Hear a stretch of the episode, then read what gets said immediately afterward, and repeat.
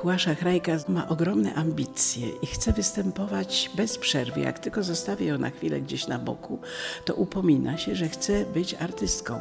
Ta pchełka mnie ciągnie, a tak poważnie mówiąc, uważam, pytają mnie nieraz ludzie, co uważam za swoją najlepszą rolę taką, że nie mam, najmniej mam pretensji jakby do siebie, więc zawsze mówię, a, że może jakiś film, że może Panny z Wilka, może jakaś rola teatralna.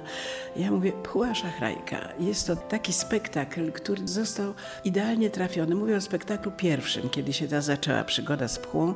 To były lata 70., nie pamiętam dokładnie. Reżyseria Maciej Wojtyszko, sama gwiazdorska obsada, Czechowicz, Gliński, Wrzesińska, Kociniak, Gajos grał Szerszenia.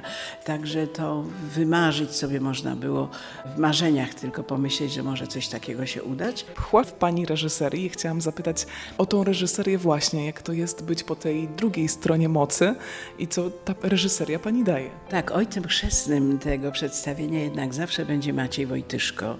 To on y, dał pomysł, jak to zrobić, że to grać dla dzieci tak jak dla dorosłych nie infantylizować spektaklu, tekstu, tylko dzieci lubią, jak się ich traktuje poważnie. W związku z czym zawsze wspominam, że gdyby nie Wojtyszko, ja bym się tą pchełką nie zajęła. Polubiłam ją od razu, mimo jej wielu wad, wariactw i no, niekonsekwencji w życiu można się do niej przyczepić, ale właśnie takie postacie są najbardziej takie niedoskonałe przez dzieci lubiane.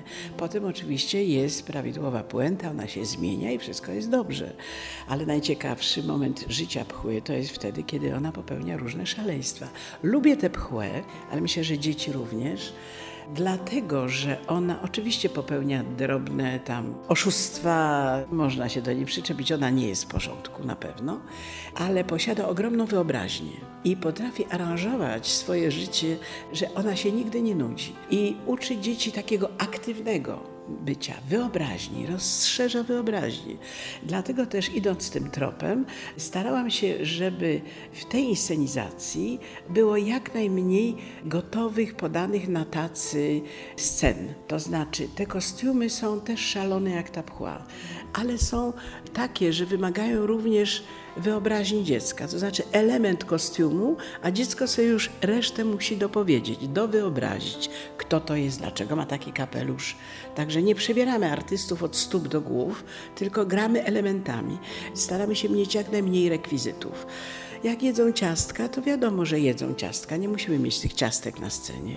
Mamy jeden rekwizyt, który spełnia rolę nam we wszystkich scenach: stołu, pociągu, statku. I dzieciom to w ogóle nie przeszkadza. Dzieci natychmiast wchodzą w te konwencje i sobie wyobrażają.